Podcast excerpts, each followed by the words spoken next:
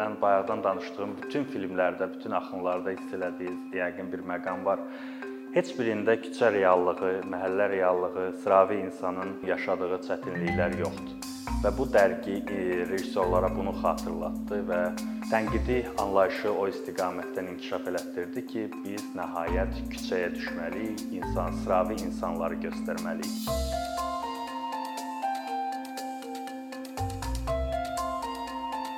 Səssiz kino dövrü İtaliyanın belə deyək, kino ulduzu olduğu dövrlər idi və səssiz kino dövründə İtaliyada istehsal olunan filmlər təkcə ölkədə satılmırdı, həm də Avropada və Amerikada kinoteatrlarda nümayiş olunurdu. Ümumiyyətlə səssiz kino dövrü bizim kino e, termini ilə və yaxud da 20-ci əsrin əvvəlləri İtaliyada milli kimlik axtarışı dövrü idi. Ölkə gec toparlanmışdı və təbii ki, kollektiv bir kimliyə ehtiyac duyurdu, təcili bir kimlik yaradılmasına ehtiyac duyurdu və bu e, eyni zamanda milliyyətçiliyi tətiqləyirdi. Bundan da başqa e, filmlərin də E, tamamilə milli kimlik axtarışı və yaxud da milli kimlik inşasına fokuslanmağına səbəb olmuşdu. Səssiz kino dövründə İtaliyada çəkilmiş filmləri 3 qrupa ayıra bilərik. Əlbəttə ki, ən vacibi tarixi filmlərdir. Onlara kostyum filmləri də deyilir. Tarixi filmlər e, əsasən milli kimlik inşasında çox vacib rol oynayan e, belə deyək də bir istiqamətdir. Ona görə İtaliya bundan yan keçə bilməzdi. Amma İtaliyada kimlik inşasında digər bir faktor da var idi. Bu da katolik e, İtalyanların katolik tərəfi idi. Aydın məsələdir ki, tarixə səyahət e, e, edirlərsə, tarixdən nümunə götürürlərsə, qədim Roma tarixinə, oradan ə, təbii ki, katolik keçmişindən, həmçinin burada Vatikan və sair məsələlər də var. Və beləliklə tarixi filmlərdən ayrıca müstəqil istiqamət kimi fərqlənən dini filmlər var idi. Bu filmlər e, kilsə təməlində humanizm, kilsə təməlli humanizm məzmunu ilə e, belə dolu idi. Bu tamamilə e, belə deyək, e, kimliyin inşasında fakt bütün o faktorları birləşdirirdi necə bir italyan e, olmalıdır, italyan necə olmalıdır və italyan özünü necə görməlidir? E, bu filmlərdə sadəcə olaraq bundan bəhs olunur. Yaxşı vətəndaş necə olmalıdır? Aydın məsələdir, bütün yeni dövlətlər e, yarandıqca bu mərhələlərdən keçirlər və yaxud da dövlətlərdə siyasət kəskin dəyişəndə yenə bu məsələ bizim rastımıza çıxır və İtaliyada e, ümumiyyətlə İtalyan kinosunu izləyən bir başqa axın da var. Bu da melodramdır. Janr olaraq melodram İtalyan kinosunun e, belə deyək də ruhunda var. Bütün növ filmlərdə melodram təsirlərini görmək olardı, həm bu tarixi filmlərdə, həm bu dini filmlərdə, amma eyni zamanda müstəqil olaraq bir də melodram filmlər yaranırdı. Səssiz kino dövründə İtaliyada. Melodram filmlərinin də məzmunu əsasən aristokrat həyat tərzi, lüksun e, ön planda olduğu filmlər idi və bu filmlərdə e, daha çox danışılırdı varlıların, burjuaziyanın belə intriqalarından. Yəni bu filmlərdə çox elə sosial məzmunlar yox idi, sosial məzmunlu eşq hekayələri də yox idi. Əsasən orta və e, hətta daha çox yuxarı sinfin e, münasibətlərdəki intriqalar. Bu səssiz kino dövrünün e, belə ümumi mənzərəsi belə idi. Tarixi filmlər, onun içində xüsusi paya sahib dini filmlər və melodram filmlər. 1920-22-yə e, qədər, e, hətta 23-ə qədər həmin bu dövr İtalyan kinosunun qızıl dövrlərindən biri adlanır. Hətta ta, e, konkret olaraq qızıl dövrü adlandırılır. 1922-də aydın məsələdir Mussolini gəldi və kral hakimiyyəti ona təslim etdi vətəndaş müharibəsindən qorxub və yaxud da və hər nəsə. Beləliklə 22-də İtalyan kinosu çox böyük bir zərbə aldı. İndi mən kiçik bir statistika ilə istəyirəm bu məsələni aydınlaşdıraq. 1920-də İtaliyada 400 film istehsal olunmuşdu. 400 filmin istehsalı o zaman ola bilər ki, bunun üçün çox böyük bir bazar olsun. Çünki səssiz kino dövründə 400 filmin o, o qədər e, texnikanın zəif olduğu bir dövrdə, hətta bu gün özündə belə 400 ciddi rəqəmdir. 400 film istehsal olunmuşdu. Ona görə ki, çox böyük bir bazar var idi. İtalyan kinosu təkcə İtaliyada nümayiş olunmurdu. Əslən İtaliyanın özündə belə milyonlarla insan kinoya gedirdi və e, kifayət qədər populyar idi. Amma həmçinin Avropanın bütün demək olar ki, ölkələrinə, eyni zamanda Amerikaya e, film satan ən e, belə deyək də bazarı geniş olan ölkələrdən biri idi İtaliya. Mussolini gələndən sonra kinoya önəm verməməyə başladı. Ümumiyyətlə faşizm dönəmini faşizm dövründə kino iki mərhələyə ayrılır. 1922, 1935 və 1935-dən faşizmin sonuna qədər, İtaliyada faşizmin sonuna qədər. Mussolini hakimiyyətə gəldi və e, kinoya əhəmiyyətsiz yanaşdı. Ona onun üçün sadəcə bir anlayış var idi. Kino senzura senzuraya məruz qoymalı olduğu bir nəsnədir. Və 1923-də bunun üçün hətta e, senzura e, qurumu da yaratdılar. Beləliklə kino bazarı ölməyə başladı İtaliyada. 400 film istehsal eləmiş 1920-də İtaliya, 1922-də bu say düşdü 144-ə, 1924-də 61-ə, 26-da hətta 20-yə. Çünki Mussoliniyə ümumiyyətlə maraqlı değildi və o sadəcə olaraq filmləri senzuralamaqla məşğul idi. E, aydın məsələdir ki, bu elə bir sahədir ki, orada əgər investisiya yoxdursa, e, dövlət subsidiyaları ayırmırsa, bu sahə inkişaf eləyə bilməz. Beləliklə kino sektoru çökməyə başladı. Və bazar var, alıcı var, amma məhsul yoxdur. E, beləcə italyanlar məcbur oldular Amerikadan kütləvi film filmlərin gəlməsinə icazə verməyə.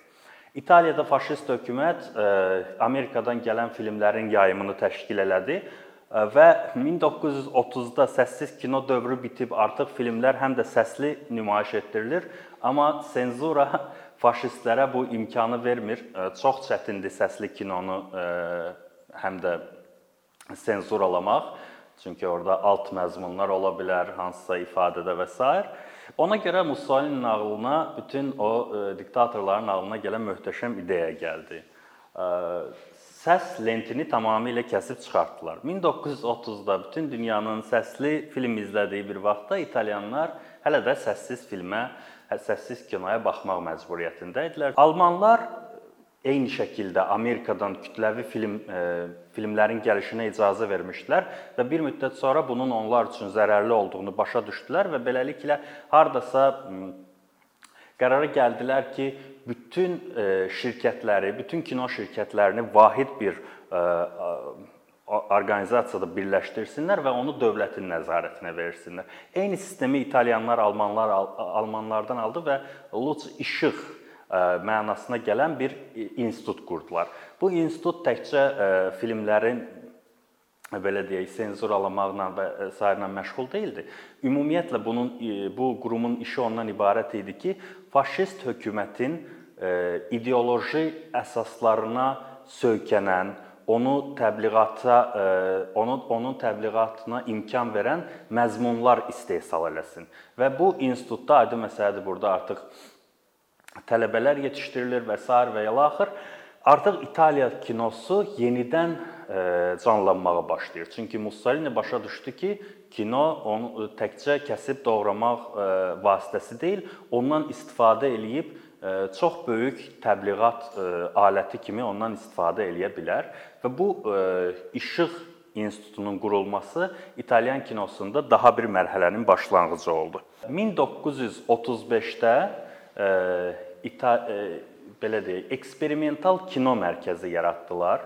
Artıq başa düşdülər və eyni zamanda xaricə çoxlu tələbələr göndərdilər kino təhsili alması üçün. O tələbələrdən biri də Russalini idi, hansı ki neorealizmdən bizə çox tanışdı, amma onun gəncliyi tamamilə faşist hökumətin təbliğatına həsr olunan sənədli filmlər çəkməklə keçmişdi. Bu bunların hamısı, həmin o rejissorların hamısı məhz Mussolini-nin özünün birbaşa istəyi ilə xaricə göndərilmişdilər, orada təhsil almışdılar. 1935-36-da eksperimental kino mərkəzi quruldu. Artıq İtaliyanın özünə xaricdən rejissorlar gedirdi, təhsil alırdı. Məsələn, həmin dövrdə Türkiyədən orada təhsil alanlar var idi, rejissorlar və sonra qayıdıb e, fəaliyyətlərini davam elətdirdilər. Dövlət artıq tamamilə bu sahəni nəzarəti altına almaq istədi. Və bu e, çox maraqlı bir nəticəyə gətirib çıxartdı. 1935-dən sonrakı dövrdə İtaliyada yenidən rəqəmlər yüksəlməyə başladı. Hətta müharibənin olduğu 1941-də, 42-də artıq rəqəmlər 100-ü keçmişdi. Yəni bir ölkədə müharibə getdiyi bir vaxtda belə 100-dən çox, hətta 119 film istehsal olunmuşdu və bunların əksəriyyəti, bəziləri sənədli filmlər idi, hansı ki faşizmin möhtəşəm tərəflərini insanlara çatdırırdı. Eyni zamanda Mussolini-nin qüdrətini, əzəmətini bütün dünyaya göstərmək üçün kino belə təbliğat aləti kimi istifadə olunmağa başladı. Amma eyni zamanda təkcə bu sənədli filmlər özlüyündə kifayət deyildi, çünki bu bütün sahələrdə onsuz da təbliğat işi gedir həmin belə deyək, həb filmlərə ehtiyac yaranmışdı. Yəni elə bir filmlər ki, onlar insanları gündəlik qayğılardan uzaqlaşdırsın, onları gündəlik problemlərdən, küçənin reallıqlarından, məhəllənin reallıqlarından uzaqlaşdırsın, daha fərqli bir belə deyək fikrə yönəltsin insanları. Və bu İtalyan kinosunda çox maraqlı bir axının yaranmasına gətirib çıxartdı. Gəldik mövzumuzun əsas yerlərindən birinə. Ona o adlanır Telefoni Bianchi filmləri və yaxud da Telefoni Bianchi. Və Telefoni Bianchi filmləri əs, ağ telefon film, yəni bizim dillə ağ telefon filmləri kimi tərcümə olunur. Bu filmləri mən həb filmlər adlandırıram. Əs əsasən bilmirəm, belə bir anlayış var yoxsa yox, amma bu kinoda çox böyük bir spektra əhatə eləyir. Yəni e, müxtəlif ölkələrdə, demək olar bu Amerikada, yəni müstə, e, nə qədər kino industriyanın azad olub olmamasından asılı olmayaraq istənilən ölkədə həb filmlər e, e, belə deyək e, var və bu filmlər kütləvi şəkildə istehsal olunur. Telefoni Bianchi filmlərinin özəlliklərindən danışmaq istəyirəm biraz. Telefoni Bianchi filmlərində adın, adını ondan aldı ki, e, bu filmlərdə zənginlik göstəricisi kimi mütləq e, ağ bir telefon istifadə olunurdu.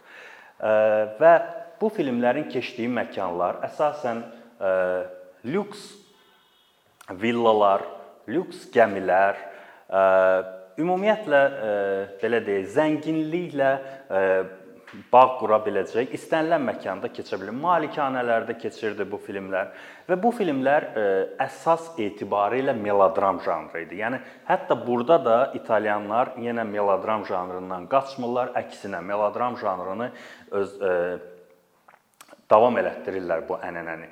Sadəcə olaraq burada e, melodram ə, telefonu Bianchi bir janr deyil, o bir axın idi. Yəni e, bu axının içində müxtəlif janrlar birləşmişdi və müxtəlif janrlarda filmlər çəkilirdi, amma məzmun etibarilə hamısı eyni idi.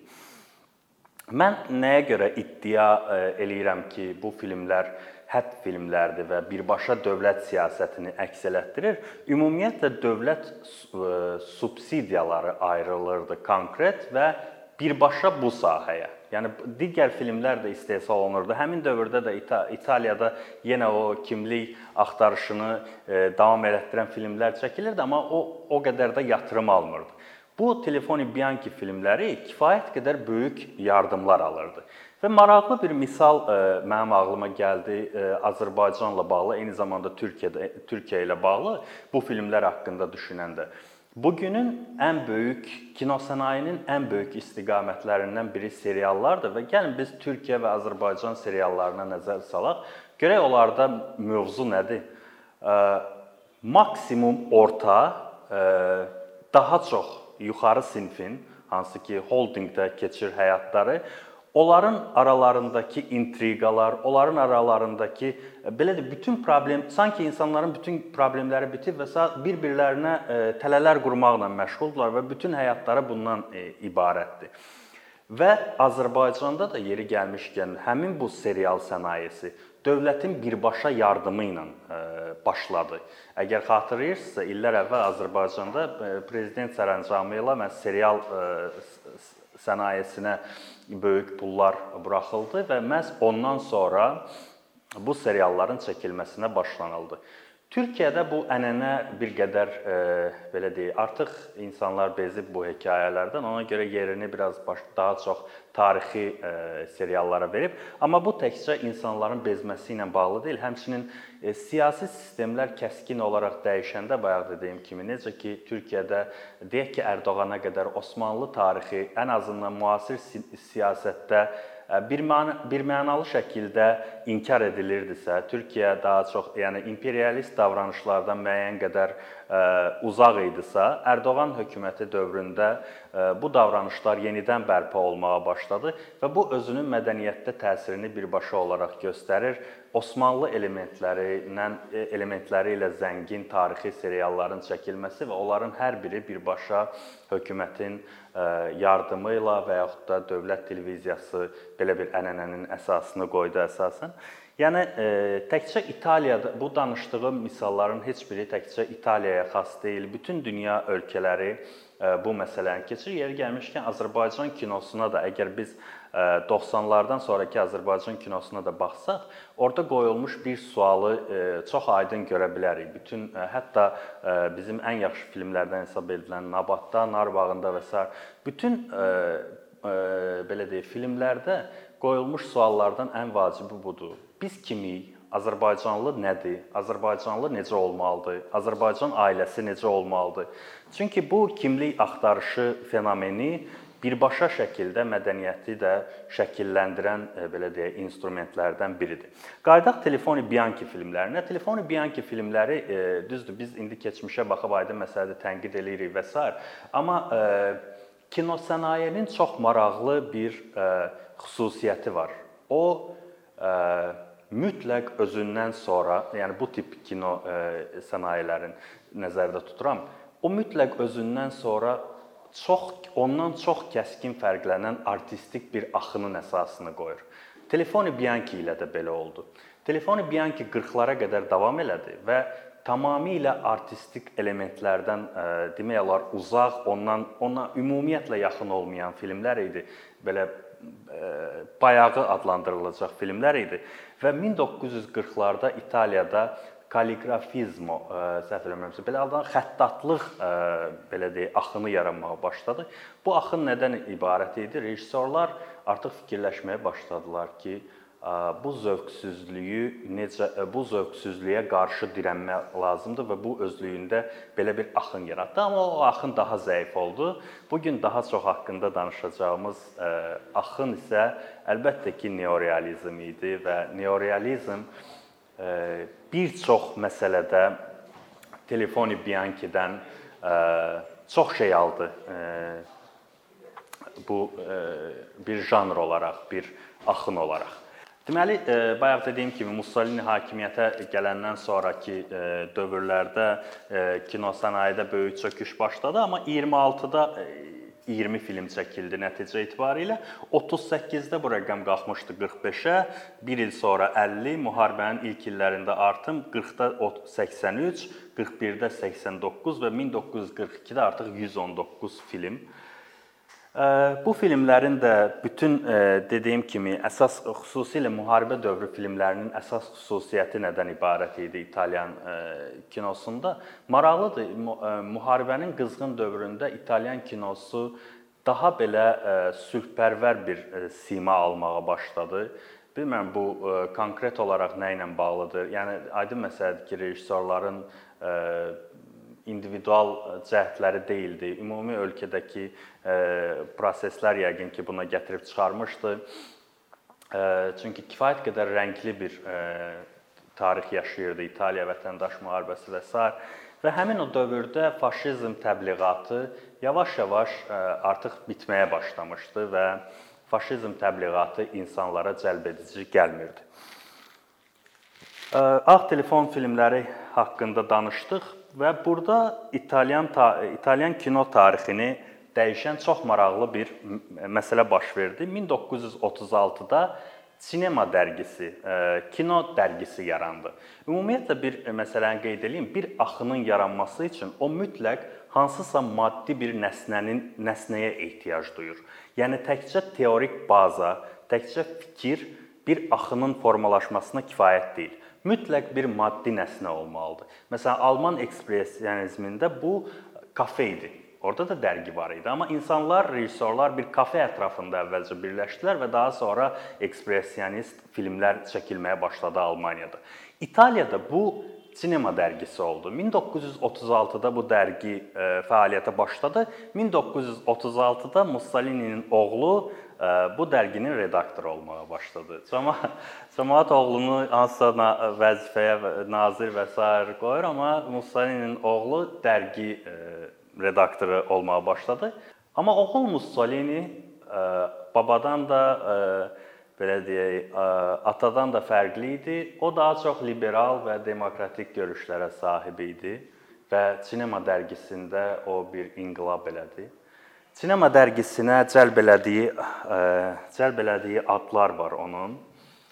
Həmin o adları Cesare Zavattini, Roberto Rossellini, Luciano Visconti, Antonioni və Giuseppe Giuseppe De Santis bu adların hər biri yəqin ki, sizə neorealizmdən tanışdı, neorealist rejissorlardır və bunların hər biri bu dərginin sayəsində e, belə deyək, kinoya addımlarını atdılar. Bayaq dediyim kimi, e, bir e, maddi nəsnə mütləq olmalıdır axın üçün və neorealizm üçün bu sinema dərgisi oldu. Sinema dərgisində bu dərgi İtalyan kinosuna tənqidi anlayışı gətirdi və İtalyan kinosuna, e, İtalyan rejissorlarına bir məsələni xatırlatdı. Biz tamamilə küçələrdən uzaqlaşmışıq və ümumiyyətlə mən bayaqdan danışdığım bütün filmlərdə, bütün axınlarda hiss elədiyiniz yəqin bir məqam var. Heç birində küçə reallığı, məhəllə reallığı, sıravi insanın emosiyaları, onun yaşadığı çətinliklər yoxdur. Və bu dərgi e, rejissorlara bunu xatırlatdı və tənqidi anlayışı o istiqamətdən inkişaf elətdirdi ki, biz nəhayət küçəyə düşməliyik, insan sıravi insanları göstərməliyik. Və bu inqilabın tamamlayıcı belə nöqtəsini ə, e, maraqlı bir statı oxuyacağam oradan. Deməli 1941-də bir yazı yazıldı. Bu yazını yaz yazan e, Giuseppe De Santis idi. Reallıq və şeir Verga və İtaliya kinosu. Verga Siciliyalı real, realist bir yazıcı idi. O e, İtalyan e, realizminin ən parlaq nümunə e, nümunələrini yaratmışdı və burada e, e, belə deyək, e, Santisin dediyi ondan ibarət idi ki, necə ki Verga şeirlərində e, küçə insan e, küçə reallıqlarını göstərir, biz kino olaraq da bunu göstərməliyik. Yaradıcı bir güc olaraq reallıq bütün ifadə formalarının əsl və ölümsüz ölçüsüdür. Saxtakarlıq və ritorik anlayışa qarşı Verganın hekayələri tarixi baxımdan tək vacibat kimi qarşımızdadır. Bu da ağrı çəkən və ümid eləyən insanlıqdan ilham alan inqilabi bir sənətdir. Santisin bu yaz, yazısı həqiqətən bəzi ə, inqilablar üçün ə, yəqin ki dö döyüşmək lazım olmur ifadəsi burada tam yerinə düşür. Çünki bu yazıdan sonra İtalyan kinosunda hər şey dəyişdi və İtalyan kinosu küçəyə çıxmağa başladı. Dərgi təkcə İtaliyada bir kino axını başlatmayıb. Fransada Bazinin jurnalı məsələn fransız yeni dalğanın əsasını qoyan insanları orada birləşdirmişdi. Eyni zamanda İngiltərədə belə də müstəqil azad kinonun ortaya çıxmasını şərtləndirən sekans dərgisi idi. Bayaq dediyim kimi bu Alman ekspressionizmindən də yan keçməmişdi. Amma İtalyan neorealizmində çox xüsusi bəzi məsələlər var idi. Niyə neorealizm məsələn Fransada yox, İngiltərədə yox, Almaniyada yox, Həmin dövrdə çox istehsalatın çox olduğu Amerikada yox, məhz İtaliyada yarandı. Çünki neorealizm tam klassik və modern kino arasında körpüdür və bu körpü niyə italyanların payına düşdü? Baxmayaraq ki, İtaliya müharibədən ən çox zərər çəkmiş ölkələrdən biri idi. Məğlub ölkə idi, aydın məsələdir. Və bu sualı fikirləşə, fikirləşə bəzi məsələləri də xatırladaq.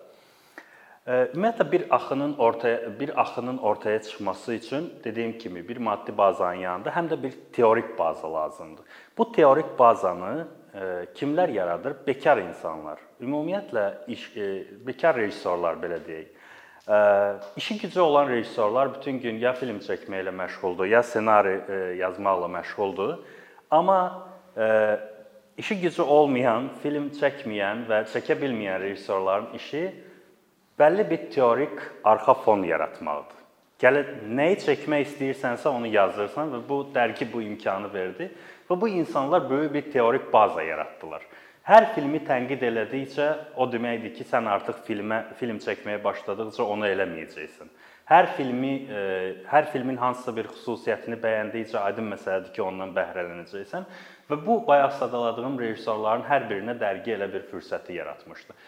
Amma e, bir kinonun ortaya çıxması üçün ən vacib faktor həm də ədəbiyyatdır. Və Həmin o dövrdə İtaliyada ədəbiyyat da kino kimi reallıqdan tamamilə uzaqlaşdırılmışdı. İnsanlar necə ki kinoda istədikləri filmi çəkə bilmirdilər, senzuraya məruz qalırdılar və yaxud da küçə reallıqlarından uzaq idilər, eyni şəkildə də ədəbiyyatda. Amma ədəbiyyatda ədəbiyyatçılar çox maraqlı bir üsul tapdılar. Madam ki mən öz sözümü deyə bilmirəm, bunu başqalarının sözü ilə deyə bilərəm və bu bu halda daha zərərsiz ola bilər. Beləliklə özlərinə ən yaxın olan e, Amerika böyük e, iqtisadi böhran dövrünün yazıçılarından John Steinbeck-i seçdilər ki, onun e, həmin o Böyük depressiya illərinə aid olan əsərləri tamamilə İtalyan reallığını əks etdirə bilər. Və beləliklə Pavese və digərləri böyük bir ədəbi külliyyat yaratmağa başladılar. Sırf tərcümələr sayəsində. Bir neçə il ərzində bu 40-cı illərdə Pavese 16 əsər tərcümə eləmişdi. Özü də 41-ci ildir və bunların hamısı gizli şəkildə e, çap olunub paylanırdı. Çünki senzura aydın məsələdir ki, buna imkan verməyəcəkdi. Və 41-ci ildə özünün bizim buralar əsərini yazır. Bizim buralar e, Alman, e, daha doğrusu İtalyan ədəbiyyatında neorealistik axını başladan əsərlərdəndir və ondan sonra ədəb təkcə əlbəttə ki, Pavese deyildi, əksəriyyət e, məhz bu tipli əsərlər yaratmağa baş, yaratmağa başladılar. Həmin dövrdə tərcümə olunan əsərlərdən biri də Keynin Poçtalyon qapını 2 dəfə çalır əsəri idi. Bu əsərin tərcüməsi də yenə neorealizm üçün çox vacib idi. Çünki neorealizmin ilk filmi məhz həmin bu əsər əsasında yaranacaqdı. Beləliklə neorealizmin yaranması üçün şərtləri fikir verirsə, hər şey yavaş-yavaş formalaşdırır. Ədəbiyyat lazımdır, daha doğrusu teorik baza lazımdır, dərgi yaradır. Rejissorlar lazımdır, dərgidən çıxır. İnvestisiya yoxdur hələ, investisiya da olacaq. Ədəbiyyat lazımdır, çünki yaxşı Film yaxşı ssenaridən başlayır. Bəzən Azərbaycanda kino rejissorlar deyəndə ki, Azərbaycanda ədəbiyyatın ə, zəif olmamağı eyni zamanda kinonun zəif olmağına gətirib çıxarır. Bunu ədəbiyyatçılar biraz belə ə, qısqanclıqla və yaxud da belə ə, yanlış anlayırlar. Söhbət təkcə yaxşı ədəbiyyat, yaxşı ədəbiyyatın yazılmasından getmir. Söhbət həm də yaxşı ədəbiyyatın tərcümə edilməsindən gedir. Yəni bu gün Azərbaycan ədəbiyyatındakı boşluq kinoda da böyük bir boşluğa gətirib çıxarır. Beləliklə neorealizm üçün demək olar ki, hər şey hazırdır və Luciano Viscontinin Ossessioni filmi bu həmin Poçtalyon qapını 2 dəfə çalır əsəri əsasında çəkildi 43-də və beləliklə İtalyan neorealizminin əsası qoyuldu. İtalyan neorealizminin sadəcə olaraq xüsusiyyətlərini və xüsusiyyətlərini sadalayıb bitirmək istəyirəm. Amma İtalyan neorealizmi haqqında danışanda bir məsələni xüsusilə vurğulayırlar. Sanki belə təəssürat yaranır ki, İtalyan İtaliyada kino rejissorlar qərara gəldilər ki, biz sınıq salxaq kameralarla çıxacağıq dekorun olmadığı və çox belə görüntünün estetik olmadığı küçələrə və peşəkar aktyorlardan imtina eləyib film çəkəcəyik. Bu belə olmadı. Mən e, bayaq dedim, e, Cinecitta studiyaları yaranmışdı. Müharibə dövründə bu studiyalar tamamilə dağıldı. Və müharibədən sonra artıq o qədər sərmayə yoxdur ki, yeni e, kino yeni kino studiyalar yaransın. Ona görə də rejissorlar məcbur olub küçəyə düşdülər Məcbur olub, çünki ə, peşəkar aktyorların əksəriyyəti qaçmışdı Amerikaya.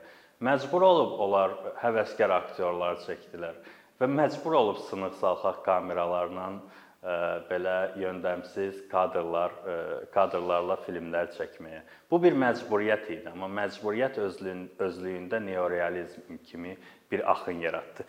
Son olaraq sadəcə olaraq ə, neorealizmin ə, xüsusiyyətləri xüsusiyyətlərini qeyd eləyirəm. Gündəlik həyatdan hekayələr bu aydın məsələdir sıravi insanın problemləri ön plandadır. Bütün neorealizmə qədər danışdığımız bütün axınların əksinə burada sadəcə bir proses baş verdi. Sıravi insan kameranın qarşısına keçdi. Həvəskar aktyorlar istifadə eləyir, olunur. Kameralar artıq dekor yoxdur və dekor qurmağa da o imkan yoxdur. Ona görə kameralar küçədədir. Təbii işıq istifadə olunur. Ona görə ki, işıq yoxdur təbii dekorasiya istifadə olunur və ən əsas e, neorealizmin ən vacib özəlliklərindən biri də formalizmdən imtina elədi. Yeri gəlmişkən kinoya nə verdi neorealizm haqqında danışanda adətən bir məsələni xüsusilə vurğulayırlar. Müəllif kinosunun yaranmasında çox böyük rol oynadı neorealizm. Biz bu gün Antonioni və Fellinini neorealizm daxilində dəyərləndirənləri də oxuyuruq, amma neoreal onlar daha çox neorealizm xaricində dəyərləndirilən rejissorlardır. Çünki onlar müəllif kinosuna aid rejissorlardır. Bax belə bir rol oynadı. Neorealizmin tənqid neorealizmə tənqidi tərəfdən yanaşanların hər zaman vurğuladığı bir məqam isə ondan ibarətdir ki, neorealizm klassik kino ənənələrini qıra bilmədi. Modern kino ilə klassik kino arasında körpü rolunu oynadı, amma o ənənələri qıra bilmədi. Klassik kinonun mütləq səbəb-nəticə və sonluq formulu İtalyan neorealizmində də var və bu istənilən rejissor həmin o stereotipi qıra bilmədi. Və son olaraq Azərbaycan barədə deyim. Bizdə 2018-dən bu islahat nağılları başlayandan sonra Mədəniyyət Nazirliyinin e, kinoya çox böyük yatırımlar eləməyə hazırlaşdığı və investisiya cəlb eləmək e, eləmək istədiyini yəqin ki, eşidirsiniz vaxtaşırı olaraq. Hmm, Mədəniyyət Nazirliyi nəsə cəlb eləyir, eləsin və yaxud da eləməsin, Azərbaycan kinosu bu mənim şəxsi iddiamdır. Özünün neorealist dövrünə qədəm qoyur və qoyub bu proses artıq gedir. Bizdə çəkilmiş yeni filmlər artıq milli kimlik axtarışı, Azərbaycan ailəsi necə olmalıdır, Azərbaycan qadını necə olmalıdır, Azərbaycan kişisi necə olmalıdır kimi suallardan bezib və sıravi insanın problemlərini, onun hisslərini aşkarlamağa çalışır. Belə ümid eləyirəm bundan sonra İtalyan filmlərinə baxanda bəlkə də daha bir fərqli gözlə baxmış olacaqsınız. Ümid eləyirəm yaxşı oldu. Sağ olun.